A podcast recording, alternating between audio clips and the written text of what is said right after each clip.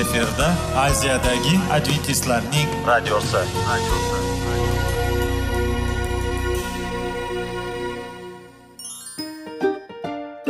Assalomu alaykum aziz radio tinglovchilar. Sog'liq daqiqasi rubrikasiga xush kelibsiz. Zero tananing sog'lom bo'lishi va uning kasalliklardan saqlash har bir insonning burchi hisoblanadi. Inson uchun bebaho boylik bu sog'liq salomatlikdir. Uni asrash esa har birimizga omonat qilib berilgan. Shuning uchun ham inson o'z sog'lig'ini ehtiyot qilishi voajib amallardan hisoblanadi. Dono xalqimiz sog'liq tuman boylik deb bejiz aytmagan. Aql idroq sohibi bo'lgan inson o'z hayotini qadrlashi lozim bo'ladi. Hozirgi kunda qanchalik dori darmonlar ko'paymasin tibbiy muassa sifati shifokorlar vasiyasi tibbiy texnika yaxshilanmasin. Agar insonning o'z salomatligi haqida qayg'urmasa kutilgan natijaga erishib bo'lmaydi va biz sizlarga bizning dasturimizga xush kelibsiz deymiz.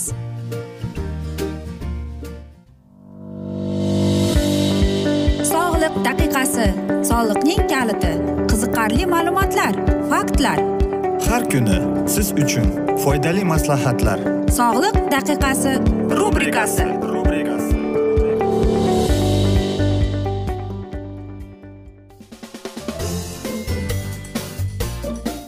assalomu alaykum aziz radio tinglovchilar. Dasturimizga xush kelibsiz va biz sizlar bilan sog'liq formulasi degan dasturda xushvaqt bo'ling deb aytamiz va bugungi bizning dasturimizning mavzusi ovqatlanishning oddiy dasturidan keladigan katta foyda deb ataladi. Sog'liq uchun juda yaxshi bo'lish uchun qanday optimal parhez zarur degan savol keladi. Xudo adam bog'ida odam ato bilan momo havoga bergan oziqlanish ratsion haqida eslang. Muqaddas kitobda e, birinchi bobida xudo bizga sog'lomlik uchun ovqat menyusini taklif qiladi. Mana men sizlarga butun yer yuzidagi urug' beradigan o't o'lanning va urug'li meva beradigan daraxtning hammasini berdim. Sizlarga ovqat uchun yaraydi deb. Bu haqida biz ibtido kitobining birinchi oyati yigirma to'qqizinchi she'rida o'qishimiz mumkin. Yaratganimiz bergan ilk parhez taomiy o'simlik mahsulotlari edi. Odam ato bilan momo havo adam bog'ini tark etganlaridan keyin egamiz ularning ovqat ratsioniga dasht o'tlarini e, yoki ildiz mevalarni qo'shib berdi. Egamiz taklif qilgan mahsulotlari parhez uchun menyuni tuzib biz eng yaxshi natija beradigan oziqlantiruvchi moddalarga bo'lgan ehtiyojlarimizni osonlikcha qondirishimiz mumkin. Birinchisi bu boshloqli o'simliklar va don mahsulotlari. Ular bizning oziqlantiruvchi mahsulotimizning asosiy bo'lishi kerak. Э, boshoqli va don mahsulotlarimizning. O'z ichiga noni makaron e, mahsulotlarini guruch va makka jo'xorini oladi. E, rafinlanmagan ko'rinishda bu mahsulotlar biriktiruvchi to'qimalarga murakkab uglevodlarga vitaminlarga va minerallarga boy. Mevalar va sabzavotlar. E, bu mahsulotlar rangi hidi va mazasi bo'yicha har xil bo'lib fitokimyoviy moddalarga antioksidantlarga vitaminlarga minerallarga boy manbalar hisoblanadi. Ko'pchilik odamlar sabzavotlarga qaraganda mevalarni afzal bilishadi. Ammo bizga unisi ham bunisi ham muvozanatlashgan miqdorda kerak. Bu guruhdagi mahsulotlar ancha ichkari kirgan va to'yintirilgan rangga ega bo'lib ko'p miqdordagi fitokimyoviy moddalardan va antioksidantlardan iborat. Dukkaliklar mag'izlari va urug'lar loviya no'xat yasmiq sifatli oksillarning shuningdek minerallarning vitaminlarning va boshqa himoya oziqlantiruvchi elementlarning eng yaxshi manbai hisoblanadi. Yong'oq va urug'lar kerakli yog' bilan ta'minlaydi ammo ular kaloriyaning to'yingan manbai bo'lib bo'lgani uchun ularni kuniga bir marta iste'mol qilish bilan cheklanishimiz kerak. Vegetarian bo'lmaganlar dukkaliklar yong'oq va urug'larning o'rnini bosuvchi sifatida baliqni parranda go'shtni va go'shtni iste'mol qiladilar hamda o'zlarining ovqat ratsioniga sut mahsulotlarini va tuxumni kiritish bilan chegaralanadi ammo bu mahsulotlarni iste'mol qilish kerak bo'lsa buni o'rtacha miqdorda qilish lozim. Shuni hisobga olish kerakki hayvonlardan olinadigan hamma mahsulotlarda xolesterin bo'lib tosh arteriyasi xastaligini qo'zg'ab rivojlantiradi. Garchi ularda muhim oziqlantiruvchi moddalar jumladan kalsiy va vitamin b o'n ikki bo'lsa ham ularni iste'mol qilish sog'liq uchun ma'lum xavf tug'diradi. Xo'sh ammo vitamin o'n ikki hayvonlardan olinadigan mahsulotlardagina uchraydi va bu vitamin halokatli anemiyaning va asab kasallik xastaligini oldini oladi. Shuningdek hujayralarning normali bo'linib uchirishga yordam beradi deydi. Shuning uchun hayvonlardan tayyorlangan mahsulotlarni iste'mol qilmaslikka qaror qilgan odamlar o'zlarining ovqat ratsioniga vitamin b o'n ikkiga boy bo'lgan mahsulotlarni yetarli miqdorda kiritishlari lozim yoki iste'mol qiladigan ovqatlarga qo'shimcha yeyishlari kerak. Yog'lar moylar shirinliklar va tuz. Inson a'zolari biroz miqdordagi bu mahsulotlarga ehtiyoj sezadi. Garchi tengi yo'q yog'lar natriy sog'liq uchun muhim bo'lsa ham ularni ko'p iste'mol qilish jiddiy muammolarni keltirib chiqarishi mumkin. Yod muhim mikroelement bo'lib agar yodlangan tuz iste'mol qilinsa uni olish oson. Ammo yod dengiz tuzida suv o'tlarda ham bor yoki yodni qo'shimcha iste'mol qilish ham mumkin. Rafinlangan qand sog'liq uchun zarur emas undan ovqatlash alohida ham e, ta'm berishi foydalaniladi. Bugungi kunda dietologlarning e'tirof etilishicha sog'lom ovqatning asosiy o'simlik mahsulotlaridan tayyorlangan taomlar tashkil qilishi kerak. Bu ovqatlar sog'liqni yaxshi holatda ushlab turadi va xastalik kelib chiqish xavfini kamaytiradi. O'simlik mahsulotlaridan tayyorlangan ovqatlar muvozanatlashgan bo'lishi uchun ularni turli tuman qilib iste'mol qilishi lozim. Bundan tashqari o'simlik mahsulotlarini qayta ishlamasdan o'zini iste'mol qilgan afzal imkon qadar o'simlik mahsulotlarini butun holda iste'mol qilishga harakat qilish kerak deydi. Bugungi kunda tibbiyot fani vegetariancha parhezning afzalliklarini tan oladi. Vegetariancha parhez quyidagi sifatlarga ega. Yog'larning ayniqsa to'yintirilgan yog'larning past tarkibi mavjudligi rafinlangan qandning past tarkibi borligi xolesterinning yo'qligi biriktiruvchi to'qimalarning yuksak tarkibi borligi himoya fitokimyoviy moddalarning antioksidantlarning e, yurak tarkibi borligi vitaminlar va minerallarning boy tarkibi borligi. Ma'lum toifadagi ovqatlarni iste'mol qilishning jumladan vegetariancha parhezning muhimligi to'g'risida gapirib biz ovqatlanish ratsioni tuzishda nimalarni hisobga olish kerakligiga e'tibor qaratishimiz kerak. Aziz do'stlar mana shunday asnoda esa biz bugungi dasturimizni afsus yakunlab qolamiz chunki vaqt birozgina chetlatilgan lekin keyingi dasturlarda albatta mana shu mavzuni yana o'qib eshittiramiz. Va men o'ylaymanki hammada savollar tug'ilgan agar shunday bo'lsa biz sizlarni salomat klub internet saytimizga taklif qilib qolamiz.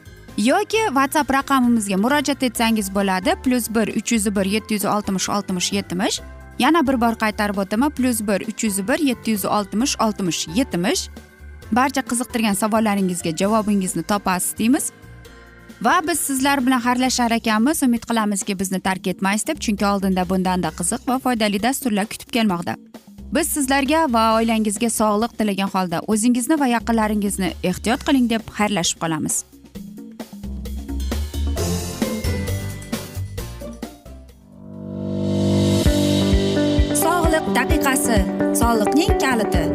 Qiziqarli ma'lumotlar faktlar. Har kuni siz uchun foydali maslahatlar. Sog'liq daqiqasi rubrikasi.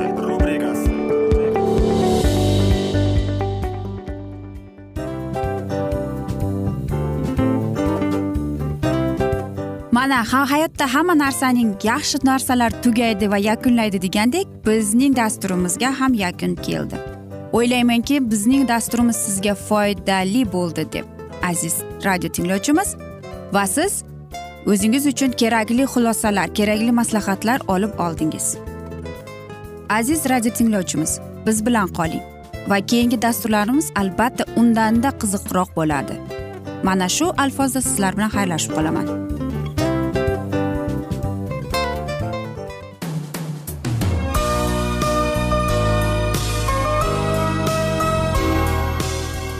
Efirda aziyadagi adventistlarning radiosi.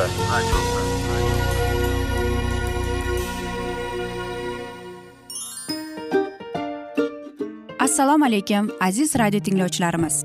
Dil izhori dasturimizga xush kelibsiz. Pul insonni baxtli qiladimi? Albatta yo'q. Sog'liqchi. Albatta bo'lishi mumkindir.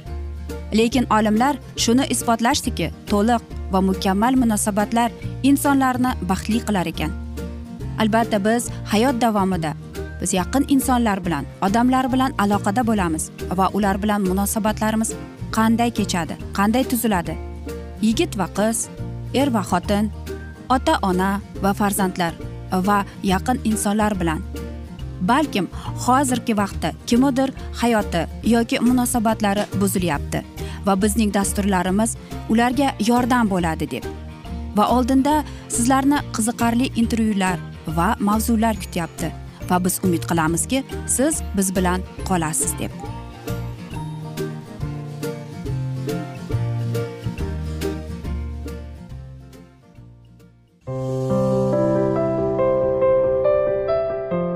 Kuni har xil kasbdagi odamlar bilan sirlashish va bo'lishish sevgi rashq munosabat bularni hammasi dil izhori rubrikasida.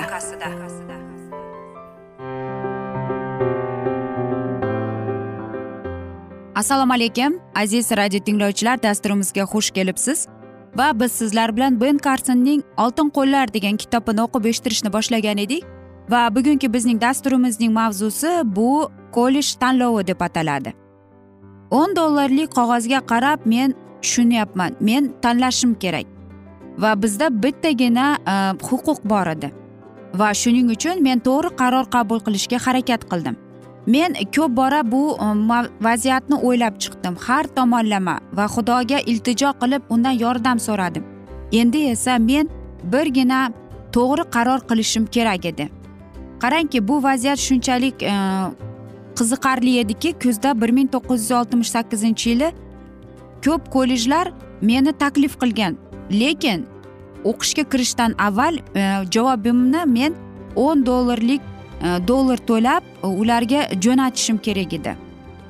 Va albatta men tushunardim men kimdandir qarzga olishim mumkin edi va ko'plab boshqa kollejlarga jo'natishim mumkin edi. Lekin onam aytdi yo'q shu siz ham bir qarorga kelishing kerak deb. U mahali michigan universitetida u judayam kelishilgan va u eng yaxshi universitetidan biri edi. Shuning uchun ham bilasizmi michigan universitetida agar e, siz aytaylikki sizni to'lovdan xalos qilar edi. Agar siz mana shu shtatda istiqomat qilsangiz va albatta men mana shu kollejga kirmoqchi edim xohlardim ham deb aytishimiz mumkin. Albatta tanlash qiyin lekin o'zing xohlaganingga borishing kerak deysiz. Ammo lekin men yaxshilab o'ylanib ko'rishim kerak edi. Men uzoq o'zimga achchig'im kelar edi. Lekin nima qilsam ekan deb o'ylanib turdim. Va bir necha hafta o'tdi va men haligador qaysi kollejda o'qishimga tanlov qilardim. Va oxir oqibat e, bahorning oxirida men garvard e, va yel universitetiga tanlashga qaror qildim. Albatta bu ikkala universitetining ham tanlashiga juda qiyin chunki bu eng ajoyib va eng qimmatli nufuzli kollejlardan biri edi. Xo'sh agar men e, men e, aytadiki yelga qabul qilishgan lekin to'qson foizli e, mana shu vznosdan meni xalos qilishgan dedi. Albatta men e, xursand bo'lishim kerak deb aytishim mumkin. Va oxir oqibat men yelni tanladim. Men universitet shaharda ketayotib e, baland uylarni ko'rib nega yo'q deb o'yladim. Albatta bir hafta ham o'tmadiki men shuni narsani tushundimki men unchalik ham qobiliyatli talaba emasman.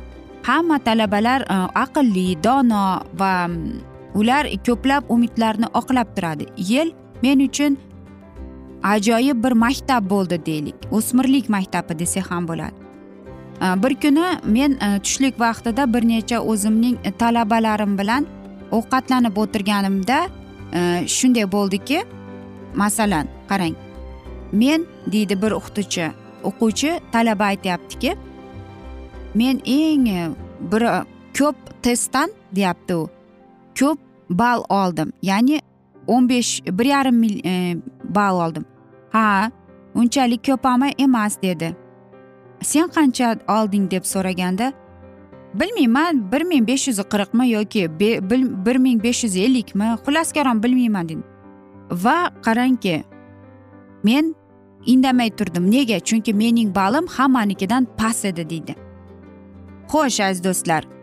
Va men mana shu universitetda o'qish uchun men e, mana shu ekzamenlarga tayyorgarlik ko'rib va tushundimki yil menga to'g'ri kelmasligini. Va albatta men e, ekzamenga tayyorlanayotganimda aytdim beni biz harakat qilishimiz kerak. Sen hamma narsani qilishing kerak qo'lingdan kelishini deb. Albatta biz e, men mana shu ekzaminga tayyorgarlik ko'rayotib ko'plab kitoblar charchaganman uyqum kelyapti. Lekin nima bo'lgan chog'ida ham men e, e, universitetga tayyorgarligimni ko'rdim. Xo'sh mana ekzamen vaqti ham keldi men kiryapman. Olti yuzta talaba bor bitta e, biletni tanlab oldim. Xo'sh va shu mahalda men o'yla qo'rqib qo'lim qaltirab oldi. Xo'sh xo'sh xo'sh. Birinchi e, bu tajribani men e, o'tkazayotganda qanday qilib e, javob bersam ekan deb o'yladim. Va shu mahalda o'yladimki ey xudo sen o'zingning menga mo'jizangni ko'rsatding deb aytdim. Bir soat men mana shu universitet shaharchasida sayr qilib yurdim baxtli bo'lib. Men o'zim yolg'iz qolishni istadim va nima bo'lgani haqida men yaxshilab o'ylab chiqishim kerak edi deydi. Va albatta bunga faqatgina bitta tushuntirish bor edi. Qaysidir bir sabab bilan xudoyim menga shunchalik o'zining qo'llari bilan menga e, yordam berdiki mana shu kambag'al oiladan mana shunday joyda o'qishga xudoyim o'zi meni qo'llab quvvatladi. Men xudoga iltijo qilib aytdim. Xudo meni kechir. Qachonlardir men seni ranjitdim deb. Endi tushunyapman sen meni dog' shifokor bo'lishimni xohlayapsan. Men qo'limdan kelgancha hamma narsani qilaman deb. Men doimo o'rganaman va hech qachon senga nomunosib munosabatda bo'lmayman deb. Va qarangki ben karson to'qson yetti ball olgan ekan. Butun guruhdan eng ko'pincha ball shu ben karsonda bo'lgan ekan. Aziz do'stlar biz esa mana shunday asnoda bugungi dasturimizni yakunlab qolamiz. Chunki vaqt birozgina chetlatilgan. Lekin biz siz bilan suhbatimizni whatsapp orqali davom ettirsak bo'ladi. Plyus bir uch yuz bir yetti yuz oltmish oltmish yetmish aziz do'stlar. Umid qilamanki bizni tark etmaysiz deb chunki oldinda bundanda qiziq bundanda foydali dastur kutib kelmoqda. Sizlarga esa omad tilab va albatta seving seviling deb xayrlashib qolamiz.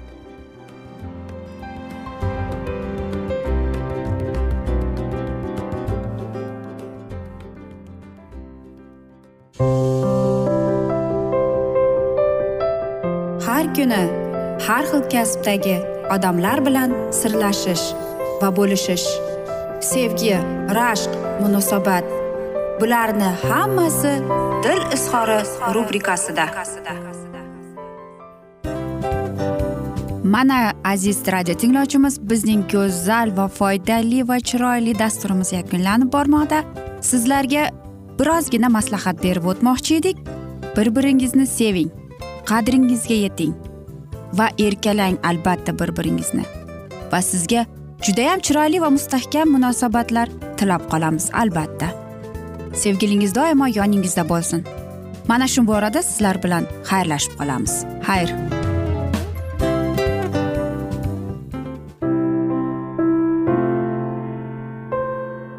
Hayotning noni qiziqtirgan savollar va javoblar. Buning hammasi ko'ngil uchun oziqa rubrikasida.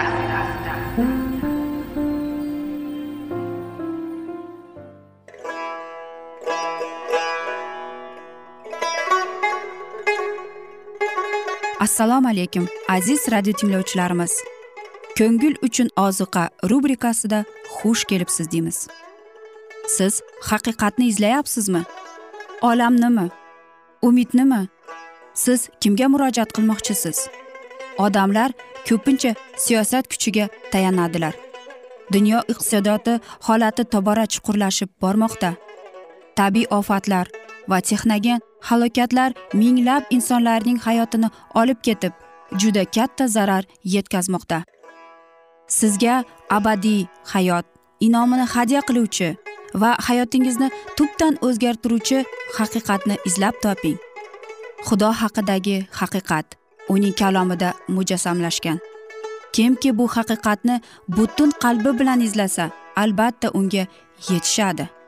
Bu sevgi xudoning tarixidir. Hayotingizda yoki sizning yon atrofingizdagi olamda nimalar yuz berishidan qat'iy nazar siz ertagi kunga buyuk umid va ishonch hosil qilishingiz mumkin. Hozirda xudo sizga taklif qilayotgan umid ishonchga o'z qalbingizni oching va sizni qiziqtirayotgan mavzularni savollaringizga javoblaringizni topib olasiz deb umid qilamiz. Biz bilan qoling.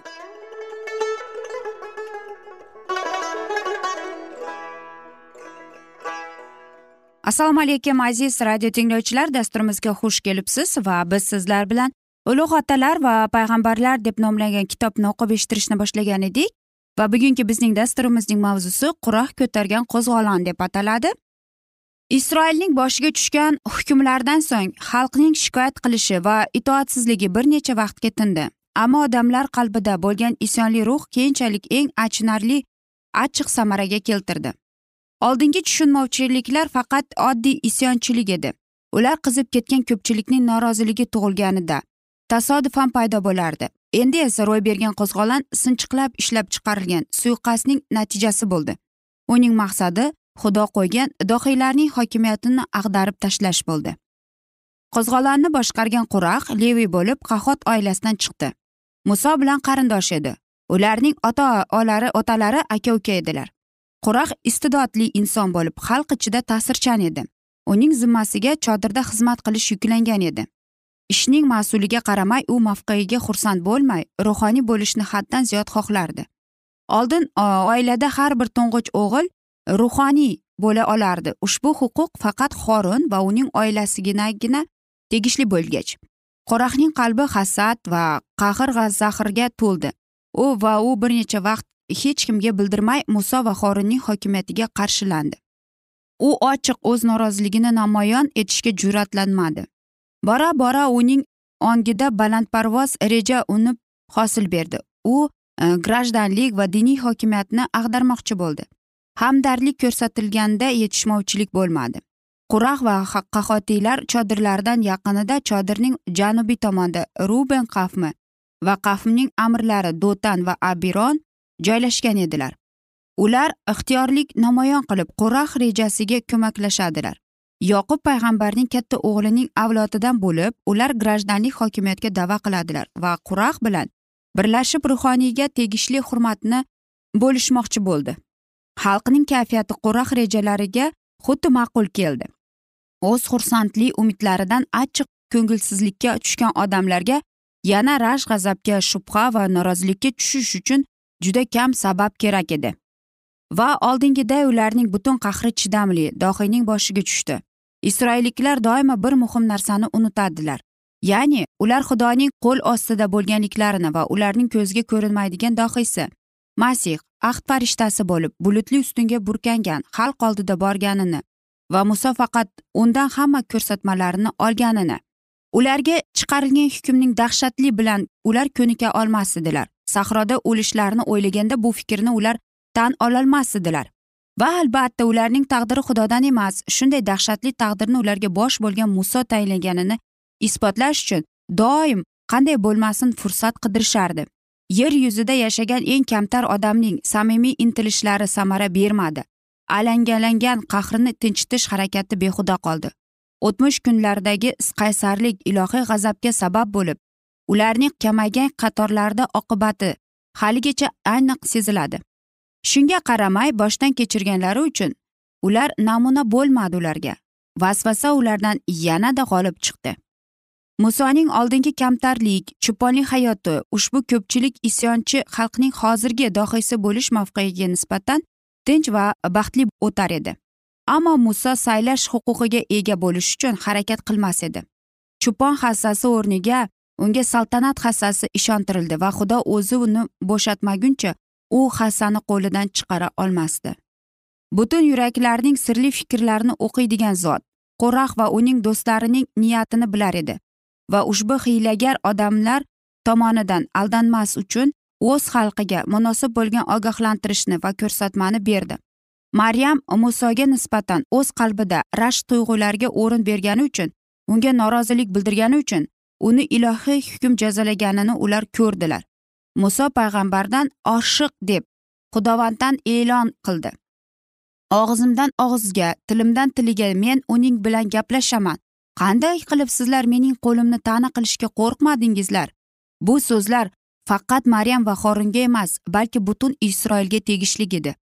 Quraq va uning fikrdoshlari alohida inoyatlarga sazovor bo'lgan edilar. Ular toqqa chiqib ilohiy ulug'vorlikni ko'rganlar soniga mansub bo'ldilar. Ammo mana shu paytdan ular o'zgardilar. Boshida ular arzimagan vasvasaga bo'sh keldilar. Vasvasaga qarshi turmagan natijada shayton uni kuchaytdi. Va nihoyat ularning ongiga mollik bo'lib oldi shunda ular ochiq o'z g'azabini ifodalash uchun jasurlandilar. Xalqning farovonligiga qiziqqanday oldin o'z noroziligi bilan bir biriga bo'lishdidir. Keyin isroil boshliqlariga yetkazdilar.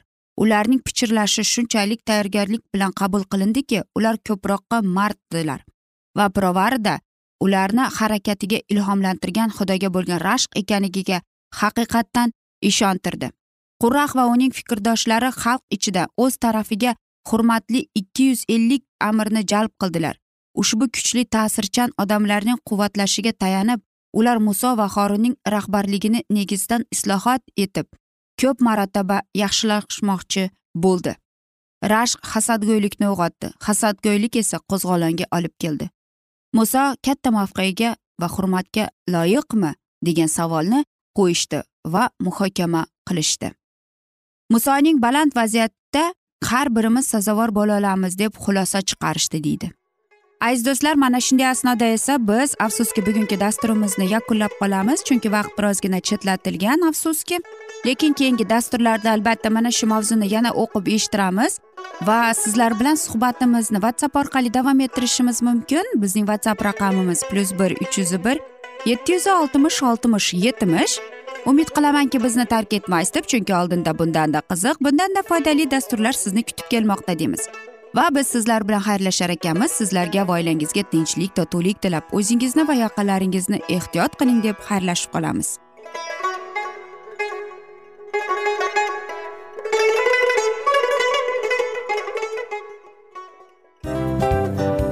Mana aziz radio tinglovchimiz hamma yaxshi narsaning yakuni bo'ladi degandek bizning ham dasturlarimiz yakunlanib qolmoqda. Aziz do'stlar o'ylaymanki bizning dasturlarimiz sizlar uchun judayam foydali bo'ldi deb. Bizning dasturlarimizdan siz o'zingizga foydali va judayam kerakli maslahatlar oldingiz deb. Masalan sog'liq borasida biz sizlarga sog'liq tilaymiz albatta lekin bizning maslahatlarimizga ham amal qilishga unutmang. Munosabatlarga kelganda bu munosabatlar chuqur va yaxshi bo'lishi uchun uni ustidan ishlash kerak albatta. Diniy masalaga kelsak aziz do'stlar bu judayam jiddiy va chuqur nazarni talab qiladi. Ammo biz sizlar bilan xayrlashib qolmaymiz keyingi dasturlarda eshittirishimizni davom ettiramiz va sizlar bilan mana shu yaxshi kayfiyatda xayrlashib qolamiz. Va keyingi dasturlarda ko'rishguncha xayr!